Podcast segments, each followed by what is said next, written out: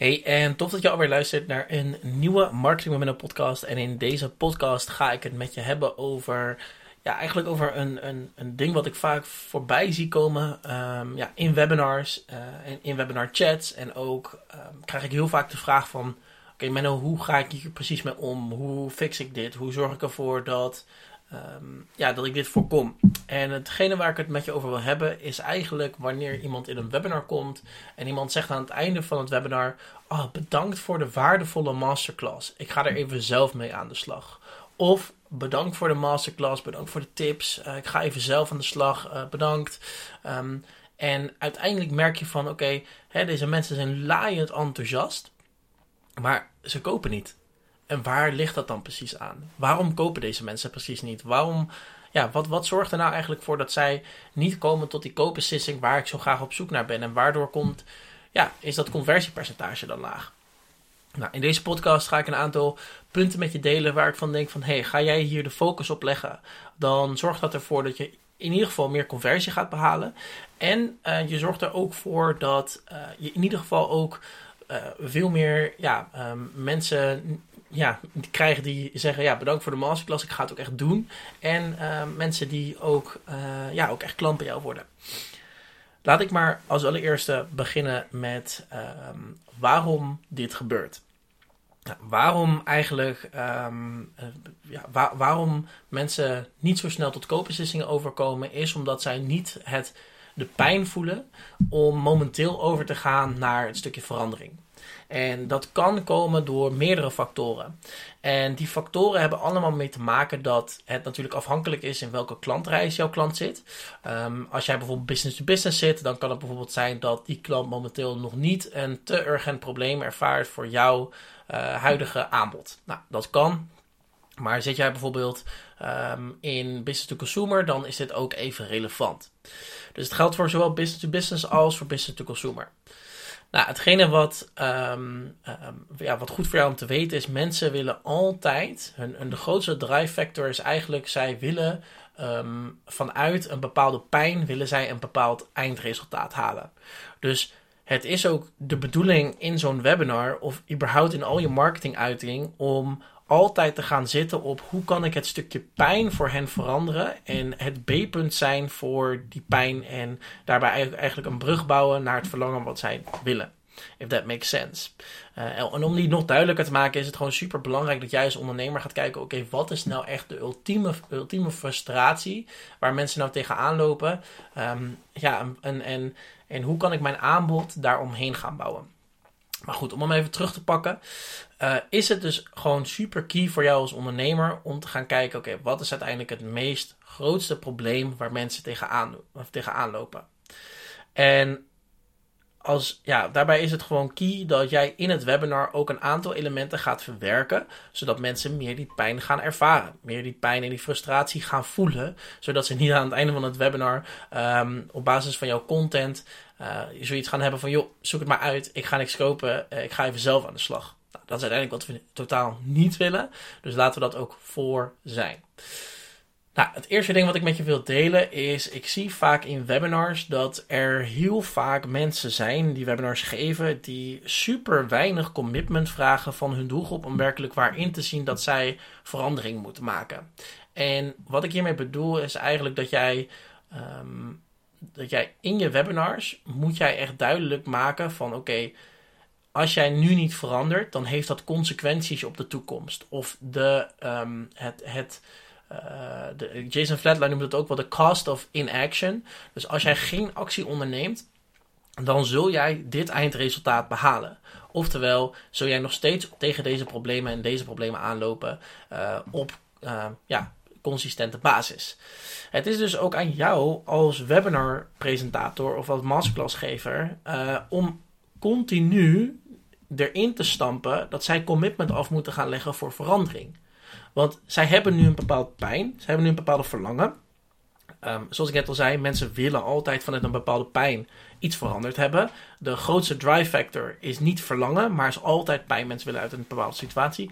Zij moeten commitment aan jou afleggen om werkelijk waar de stap te maken.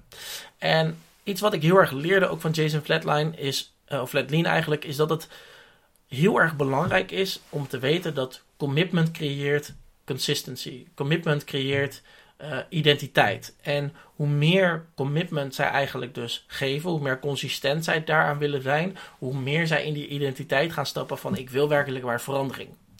Het probleem, however, is nu dat ik te veel ondernemers zie die niet die consistency durven te tonen in een stukje commitment vragen. Want ik heb Jason Flatlines webinars bijvoorbeeld uh, continu door en door gestudeerd. En ook heb ik uh, de webinars gestudeerd van onder andere Elke de Boer, onder andere van meerdere mensen. En wat is nou het grootste succesdriver? Is eigenlijk om veel meer te zitten op dat stukje pijn, pijn, pijn, pijn, pijn. En ook commitment, commitment, commitment, commitment voor jou om te veranderen. Want als zij de commitment maken om te veranderen, dan zullen zij dus direct ook veel meer gaan stappen in die identiteit om te willen veranderen. Dus om in te gaan zien, hé, hey, ik wil uh, dit B-punt bereiken. Ik zit momenteel in een bepaalde fase van mijn leven waarin ik stappen wil gaan maken. Ik moet vooruit gaan. Alright? En daar, daar, dan pak ik hem even over naar punt nummer twee. Dus echt die commitment krijgen in het webinar. Maar ook zie ik te weinig dus emotie in dat webinar terugkomen. Je geeft te veel um, zelfdoen content, waardoor die mensen denken, ja, ik ga wel weer even zelf aan de slag, Menno. Ik, ik ga wel even zelf proberen. Ik ga weer even zelf aan de hand. En hoe jij te veel zelfdoen content kan spotten, is door eigenlijk um, ja, het stukje te kijken naar je webinar content en daar op basis daarvan te kijken, oké, wat welke, welke stukken van mijn content momenteel um, kunnen zij zelf mee aan de slag? Of gaan zij zelf mee aan de slag? Kunnen zij zelf wel resultaat mee behalen? Want wat je wilt doen is, je wilt niet te veel tips delen, te veel stappen delen, te veel uh, inhoudelijke dingen delen. Nee, je wilt ze delen wat jouw inzichten zijn, wat jouw, um, ja, wat jouw stappen zijn, wat jouw dingen naar succes toe zijn, hoe jij daar bent gekomen. Jouw unieke framework. Je wilt niet dat zij uiteindelijk aan het einde van het webinar denken: Ah, ja, was, was, bedankt, voor, voor de, bedankt voor het webinar, Menno. Um, ik ga weer zelf aan de slag. Want dat krijg je dus wel heel vaak als je te veel content in een webinar stopt wat te veel te maken heeft met zelf doen, zelf doen, zelf doen, zelf doen. En je kan hier natuurlijk, ik ben ook super erg voorstander, don't get me wrong, super erg voorstander van. Um, als jij veel geeft, dan krijg je daar ook weer heel veel voor terug. Dus de, principe van wederkerigheid van Cialdini. Ik ben daar super erg fan van. Maar het probleem met te veel webinars is dat zij te veel zelfdoen content hebben. En door te veel zelfdoen content um, gaan die mensen ook denken: oh, ik ga het wel even zelf doen. Nou, het, ja, het, probleem daarmee is dus dat ze geen actie ondernemen. Dus wat ik aan jou aanraad is: kijk kritisch naar je webinar. Kijk naar: oké, kan ik hier eventueel een verandering in maken zodat het niet heel veel zelfdoen content is, maar dat zij wel inzien: hey, ik heb een bepaald probleem. hey, ik heb een bepaalde verlangen. hey, ik, ik, ik weet dat ik het niet zelf kan, omdat ik heel veel commitment heb gegeven aan deze persoon. Oké, het is logischer voor mij om deze cursus, deze oplossing, deze call in te plannen, zodat ik kan kijken: hey, hoe kan deze persoon nou werkelijk waar bijdragen aan mijn groei? Dat is uiteindelijk hetgene wat je wilt. Dus um, om hem even de twee kort samen te vatten, eigenlijk zijn er drie punten. Is één, zorg voor knijter veel commitment in het webinar. Zodat je echt op die pijn drukt van, hey, herken jij je hierin? Zijn dit herkenbare problemen? Commitment, commitment, commitment. Zoals ik het al zei, hè, creëert, uh, creëert uh, ja, commitment creëert consistency en creëert ook een identiteit. Dus ja, dat heb ik net al een klein beetje toegelicht. Daarna wil je, daarnaast wil je niet te veel uh, zelfdoen content erin verwerken. En je wilt, ze, uh, je wilt ze prikkelen op emotioneel gebied en niet op rationeel gebied. Alright? Daarnaast is het voor jou heel relevant om te gaan kijken: hey, geef ik mijn doelgroep nu een content overload, waardoor zij zelf ook te veel gaan zitten in: oké, okay, ah, bedankt voor het webinar, was gezellig. Um, of um, geef ik ze gewoon een aantal stappen mee, waardoor ze in principe zelf aan de slag kunnen, maar gewoon weten van: hé, hey, dit is niet goed genoeg, ik wil meer weten. Nou, het volgende haakje eigenlijk waar ik naartoe wil gaan, of het punt waar ik naartoe wil gaan, is dat ik te weinig webinars ook zie uh, gebruik echt efficiënt gebruik zien maken van storytelling. En deze is zo, um, zo key. Maak gebruik van verhalen. Maak gebruik van um, jouw A-punt en toen jouw B-punt, toen jij dit ging toepassen. Binnen in je contentstuk dan, hè? Heb ik het dan over. Sorry, dat was een beetje ver verwarrend misschien, maar maak gebruik van, van die storytelling, want daardoor ga je juist veel meer zitten op dat emotionele gebied en gaan zij veel meer die herkenning creëren in plaats van rationele content. Nou, een ander ding wat ik met je wil delen is, ehm, en dat is waar, waar ik ook heel weinig webinars gebruik van zie maken, is ehm, maak nou echt even goed gebruik van nieuwsgierigheid. Nieuwsgierigheid naar meer. Nieuwsgierigheid naar, oh, oké, oh, wacht even, dat is dus ook nog mogelijk. En doordat je meer gebruik gaat maken van nieuwsgierigheid, zal jouw doelgroep dus ook sneller gaan kopen. Omdat zij ehm, ja, door middel van die nieuwsgierigheid ook um, nieuwsgierig zijn naar jouw aanbod. Ehm, ja, dat eigenlijk over het stukje de contentfase. Of de introductie in de contentfase eigenlijk. Of wat ik vaak missie ga bij webinars die uh, ja, bedankt voor de waardevolle masterclass uh, comments hebben.